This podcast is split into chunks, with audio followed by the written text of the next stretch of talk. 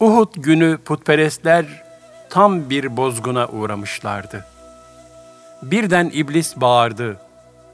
Ey Allah'ın kulları arkanıza bakın.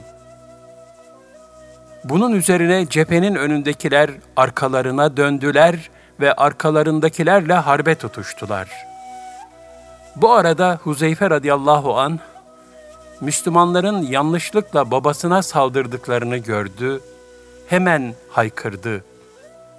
Ey Allah'ın kulları, babam, babam! Fakat müminler o kargaşada Hazreti Huzeyfe'nin babasını öldürmeden bırakmadılar. Bunun üzerine Huzeyfe radıyallahu an onlara sadece Allah sizleri mağfiret eylesin demekle yetindi. Hazreti Urve radıyallahu an der ki, Allah'a yemin ederim ki Huzeyfe'nin bu âli cenaplığı ve affediciliği, aziz ve celil olan Allah'a kavuşuncaya kadar hep devam etmiş. Müslüman olan babasını yanlışlıkla şehit edenlere devamlı dua ve istiğfarda bulunmuştur. Allah Resulü sallallahu aleyhi ve sellem babasının diyetini verdiğinde Huzeyfe radıyallahu anh bu malı fakir Müslümanlara tasadduk etmiştir. Müslüman tecessüsten şiddetle sakınmalıdır. Yani kimsenin ayıbını, kusurunu araştırmamalıdır. Zira Cenab-ı Hak tecessüste bulunmayın buyurarak bu çirkin davranışı yasaklamıştır. Ukbe bin Amir radıyallahu anh'ın katibi şöyle anlatır. Ukbe'ye komşularımızdan bazılarının içki içtiğini fark ettim. Zabıtayı çağırayım da onları yakalasın dedim. Bana öyle yapma. Onlara önce nasihat et ve ikazda bulun dedi. Ben de dediği gibi yaptım lakin vazgeçmediler. Bunun üzerine Ukbe'ye onlara nasihat ettim fakat bırakmadılar. Zabıtayı çağıracağım dedim. Ukbe radıyallahu an yazıklar olsun sana. Öyle yapma. Çünkü ben Resulullah sallallahu aleyhi ve sellemin kim bir müminin ayıp ve kusurunu örterse, sanki diri diri toprağa gömülmüş bir kız çocuğunu kabrinden çıkararak kurtarmış, ihya etmiş gibi olur buyurduğunu işittim dedi.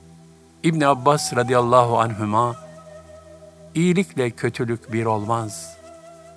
Sen kötülüğü en güzel yol neyse onunla önle. O zaman görürsün ki seninle arasında düşmanlık bulunan kimse bile sanki yakın dostun olmuştur. Fussilet 34 ayetiyle ilgili şu açıklamayı yapmıştır. Ayette ifade edilen en güzel yoldan maksat, öfke anındaki sabır ve kötülüğe maruz kalındığı andaki aftır. İnsanlar bunları yaptıkları takdirde Allah onları muhafaza eder. Düşmanları da kendilerine boyun eğer. Sanki samimi bir dost olur. Resulullah aleyhissalatu vesselam bir gün, sizden biri Ebu Damdam gibi olmaktan aciz midir diye sordu. Oradaki sahabiler, Ebu Damdam kimdir ya Resulallah diye sordular. Resul-i Ekrem sallallahu aleyhi ve sellem Efendimiz şöyle buyurdu. Sizden önceki kavimlerden birine mensup idi. Bana hakaret eden ve dil uzatarak gıybetimi yapan kimselere hakkımı helal ediyorum derdi. Tabiinden Katade rahimehullah da şöyle demiştir. Sizden biri Ebu Damdam gibi olmaktan aciz midir? Bu zat sabaha çıktığında Allah'ım bana dil uzatan ve gıybet ederek haysiyetimi zedeleyen kullarına hakkımı helal ediyorum derdi. Ne güzel bir af misali. Kendisine karşı yapılacak dedikodu, gıybet, hakaret gibi hazmedilmesi çok zor kusurları peşinen affettiğini Allah'a arz ediyor. kullarına ifadesinden anlaşıldığına göre de bunu Cenabı Hakk'a duyduğu engin ve nihayetsiz muhabbeti sebebiyle yapıyor.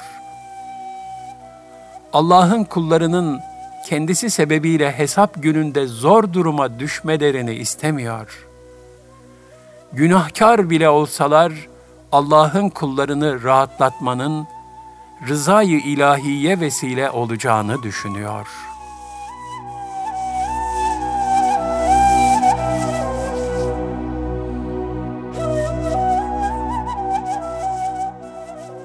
Resulullah sallallahu aleyhi ve sellem şöyle buyurmuştur.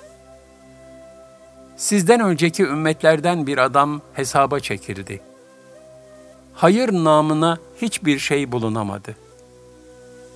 Fakat bu adam insanlarla haşir neşir olan zengin bir kimseydi. Hizmetçisine darda kalan fakirlerin borcunu affetmesini emrederdi. Aziz ve celil olan Allah, biz affetmeye ondan daha layıkız. Onun günahlarını örtün. Kendisine müsamahalı davranın buyurdu. Rivayete göre Cafer-i Sadık Hazretlerinin bir kölesi vardı. Kendisinin yakın hizmetlerini görürdü. Bir gün köle getirdiği içi çorba dolu kaseyi kazara Cafer Hazretlerinin üzerine döktü üstü başı çorbaya bulanan Cafer Hazretleri de öfke ile kölenin yüzüne baktı. Bunun üzerine köle, efendim, Kur'an'da vel kazimînel gayza buyuruluyor.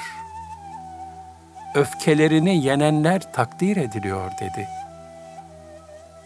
O zaman Cafer-i Sadık Hazretleri, öfkemi yendim dedi.'' Bu sefer köle Kur'an'da aynı yerde vel afine anin nas buyurularak insanların kusurlarını bağışlayanlar da takdir ediliyor dedi.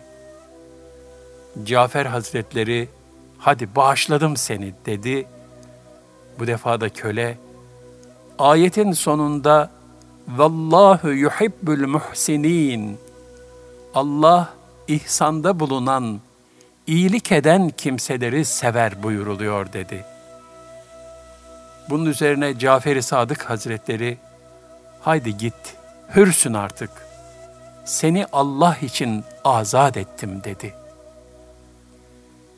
Hizmetçisinin bir miktar dünyalık uğruna içine zehir koyduğu yemeği yer yemez, dehşetli ölüm sancılarına tutulan Ömer bin Abdülaziz, hemen hizmetçisini çağırdı ve bana verdiğin zehir karşılığında kaç para aldın diye sordu. Hizmetçi bin dinar aldım cevabını verdi. Adil ve merhametli halife hiç kızmadı ve o bin dinarı Beytülmal'e koyması mukabilinde hizmetçisini işlediği bu cinayete rağmen affetti.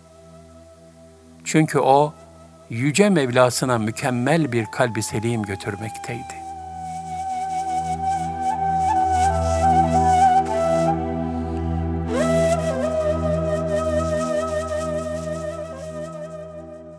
Aşık gönüllerde müstesna bir yeri olan Hallacı Mansur taşlanırken, Ya Rabbi, benden evvel beni taşlayanları affet diye yalvararak büyük bir gönül isarı sergiliyordu.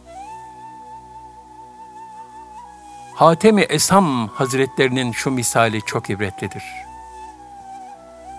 Zayıf, dertli ve perişan bir kadınla konuşuyordu. Kadın derdini yana yakıla anlatırken, o heyecan içinde kendisinden gayri ihtiyari olarak çirkin bir ses duyuldu kadın bir mum gibi eridi, ezildi, mahvoldu. Şeyh Hazretleri ise hiçbir şey duymamış gibi muazzam bir vakarla kadına baktı ve elini kulağına götürerek Söylediklerinizi duymuyorum, çok ağır işitiyorum, yüksek sesle konuşunuz, bağırınız ben sağırım dedi. Hatasının gizli kaldığını zanneden zayıf, dertli ve perişan kadın bir anda hayata avdet etmiş gibi ferahladı. Hiçbir milletin muaşeret edebinde misli görülmemiş derecede harika bir incelik olan bu davranışı, Hatem Hazretlerine Esam Sağır lakabını taktırdı. Zira bu hadiseden sonra da Hatem Hazretleri edep gözetip o kadın vefat edinceye kadar halk arasında kendini sağır olarak gösterdi. Ancak kadının vefatından sonra etrafındakilere artık kulaklarım duyuyor. Normal sesle konuşabilirsiniz dedi. İşte layıkıyla idrak edilen İslam ahlakının nezaket, zarafet ve inceliği.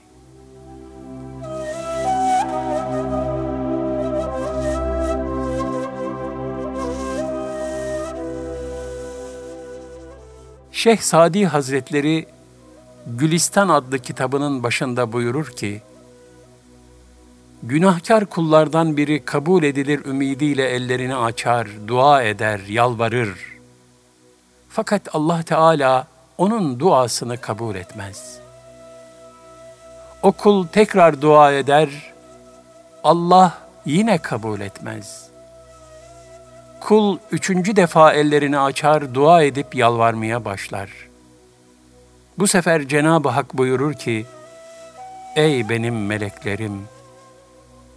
Kulumun ısrarla yaptığı duayı kabul ettim ve istediğini verdim. Çünkü bir kulumun uzun uzadıya dua edip inlemesinden utanırım. Şehzadi bundan sonra şöyle der. Allah'ın lütuf ve keremini gör ki, günaha giren kuldur, fakat haya eden Allah'tır.'' garip bir fırıncı vardı. Kendisine sahte para verseler de onu alır, paranın sahteliğini bildiği halde bunu muhatabına söylemez ve istenen ekmeği verirdi. Herkes onun bu haline şaşar ve kimse bunu neden yaptığını anlayamazdı. Nihayet ölüm vakti geldiğinde fırıncı ellerini yüce dergaha açtı ve şöyle yalvardı. Ey Allah'ım! Biliyorsun ki yıllarca insanlar bana sahte dirhem getirdi ve ben bunu onların yüzüne vurmayıp istediklerini verdim. Allah'ım, şimdi ben senin huzuruna sahte taatlerle geliyorum. Ne olur onları yüzüme vurma.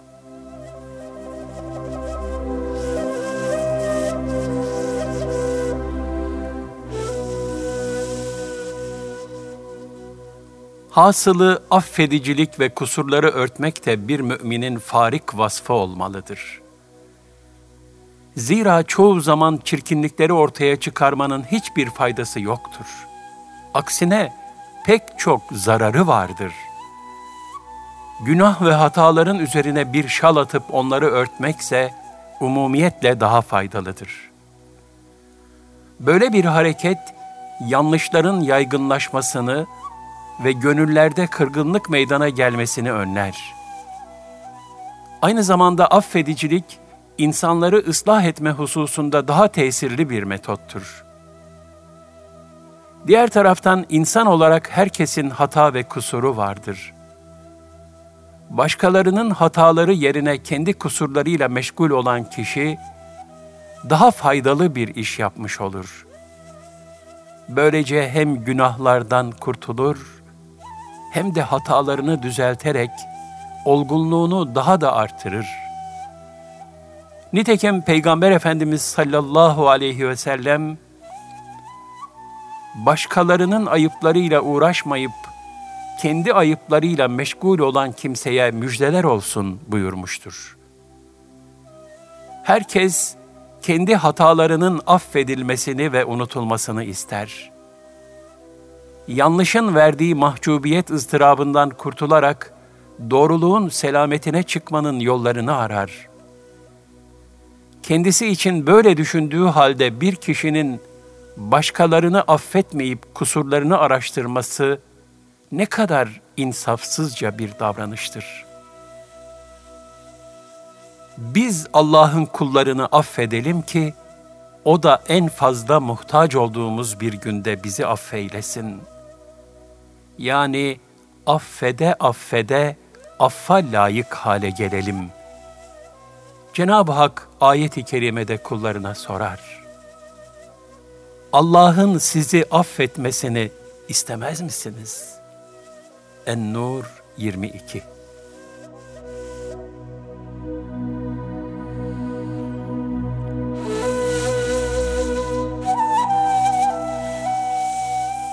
Kul hakkına riayet Cenab-ı Hak insanları mükerrem olarak ve en güzel şekilde yarattığını ifade buyurmuştur.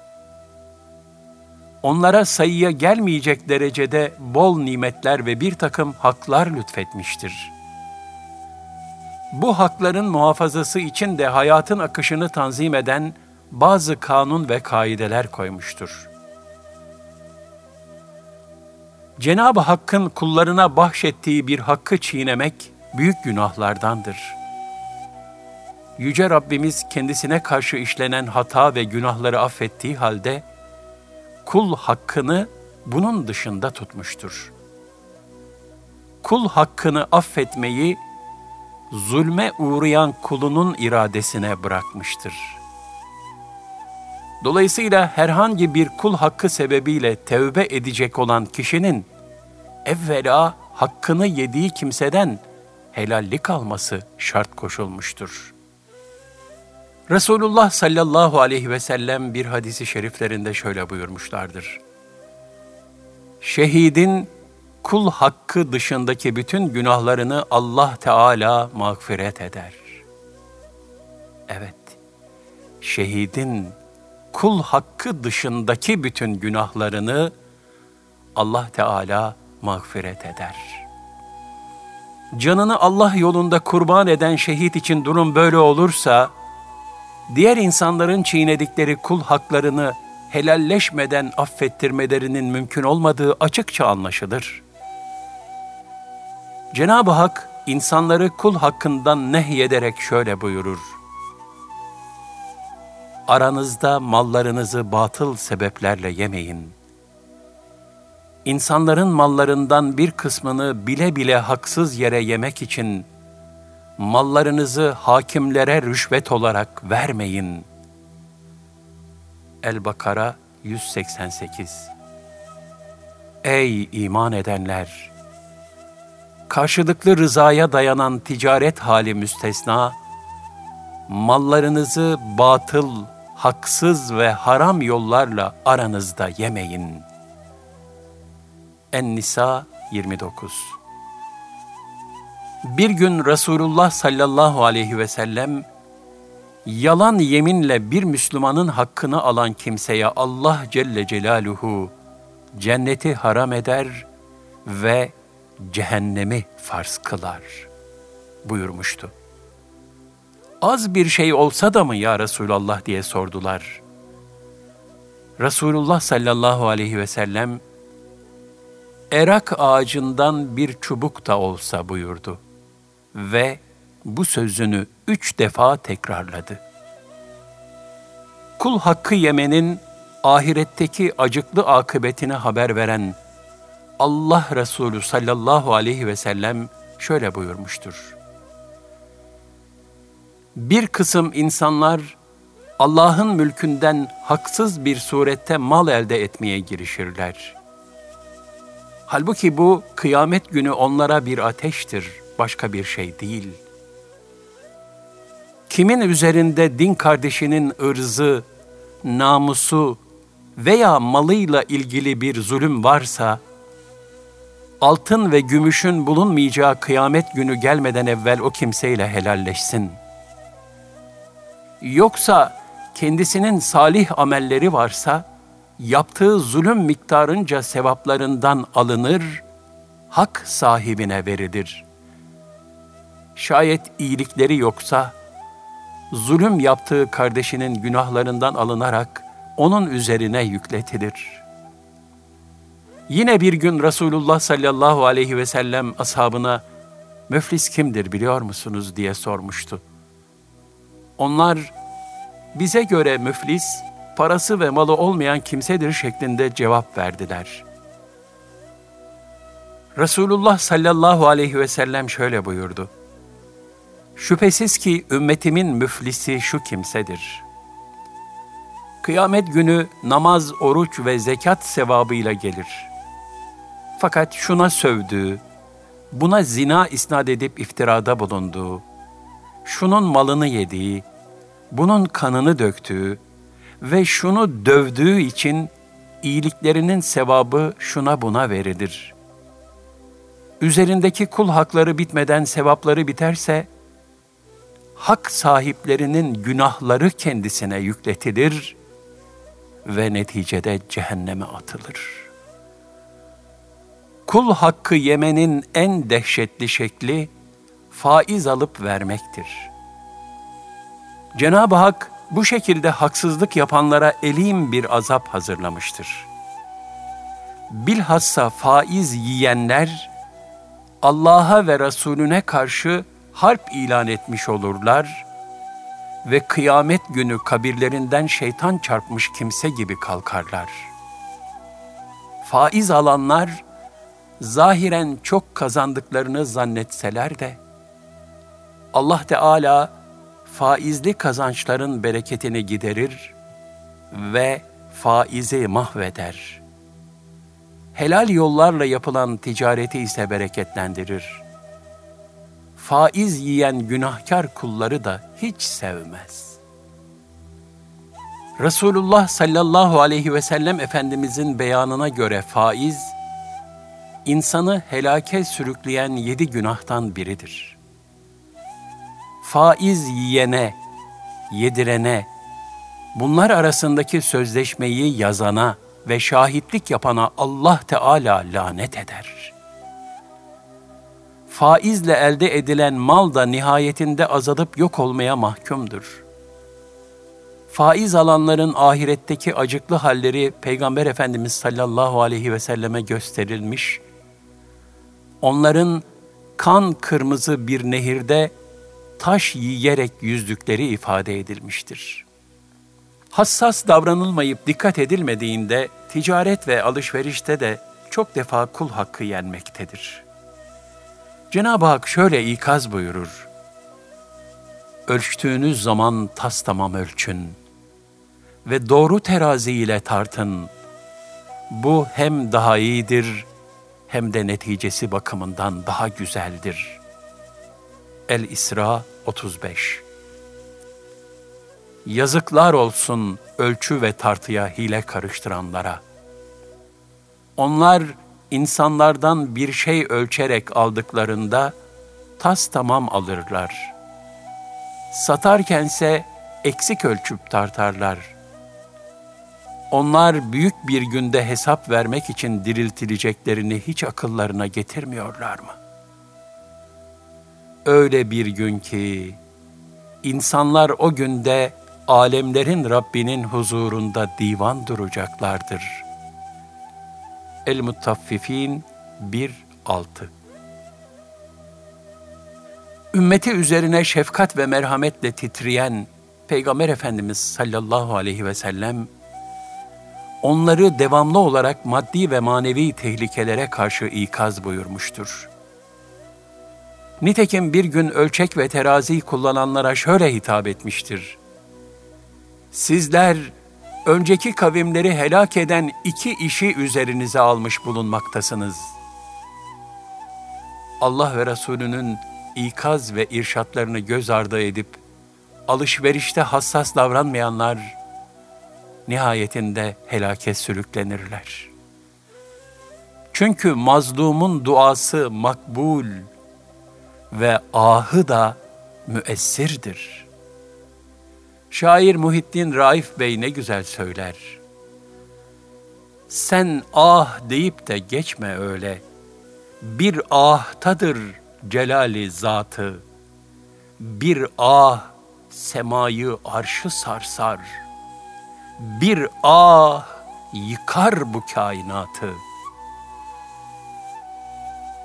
Kul hakkı yemenin daha tehlikeli bir çeşidi de, toplumun ortak hakkı olan devlet ve vakıf mallarını haksız yere gasp etmek ve uygunsuz bir şekilde kullanmaktır. Bu haksızlık daha tehlikelidir.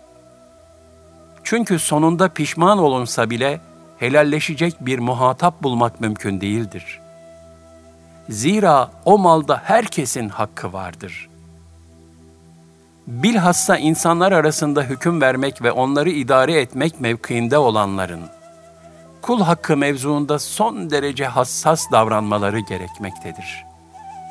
Aynı şekilde hakimin huzurunda başka birinden hak talep eden kişinin gerçekten haklı olup olmadığını iyice düşünmesi icap eder.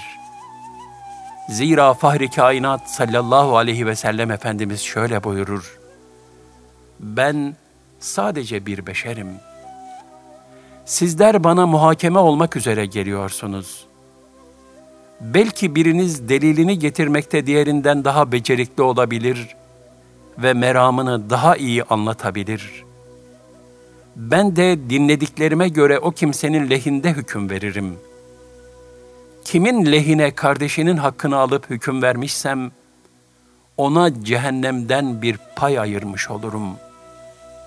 Bunlara ilaveten, birinin malını çalmak veya izinsiz olarak almak, şeref ve haysiyetini lekelemek, insanları şakayla da olsa üzmek veya korkutmak, aldatmak, rüşvet verip almak, borcunu geciktirmek veya ödememek gibi hususlar hep kul hakkını ihlal etmektir. Kul hakkı yemek haram olduğu için insanın maneviyatı üzerinde menfi bir tesir icra eder. İnsanların halis ve salih ameller işlemeye muvaffak olamamalarının başlıca sebebi harama, şüpheli şeylere ve kul hakkına yeterince dikkat etmemeleridir. İbadetlerde huzur ve huşu halinde bulunabilmek, zevkle ve huşu içinde Allah'ın emirlerini ifa edebilmek, ancak kul hakkından sakınarak titiz bir takva hayatı yaşamaya bağlıdır.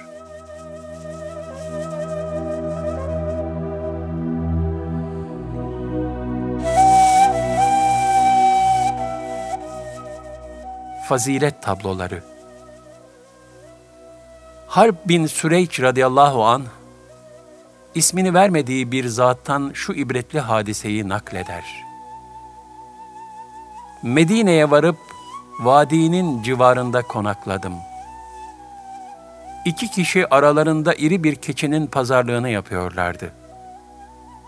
Müşteri satıcıya ikramda bulun diyordu. O sırada karşıdan gelen bir kimse gördüm.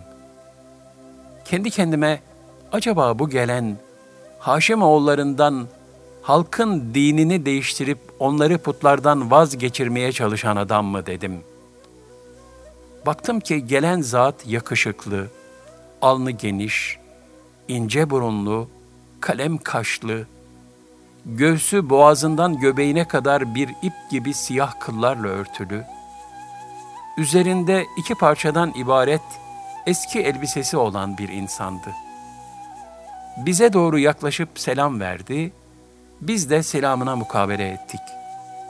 Kısa bir müddet sonra müşteri onu çağırarak, ya Resulallah, ona söyleseniz de bana ikramda bulunsa dedi. Resulullah sallallahu aleyhi ve sellem elini uzattı ve şöyle buyurdu. Mallarınıza siz malik bulunuyorsunuz. Kıyamet günü Allah'a kavuştuğum zaman sizden hiç kimsenin malına, canına ve ırzına haksız yere tecavüz ettiğim iddiasıyla karşıma çıkmasını istemem. Allah Teala satarken, alırken, tutarken, verirken, hükmederken ve birisiyle muhakeme olurken kolaylık gösterene rahmet eylesin.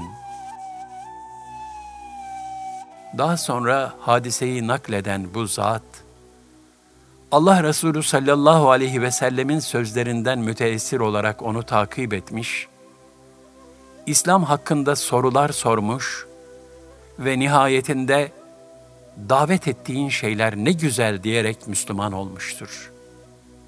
Bu esnada şöyle demekten de kendini alamamıştır.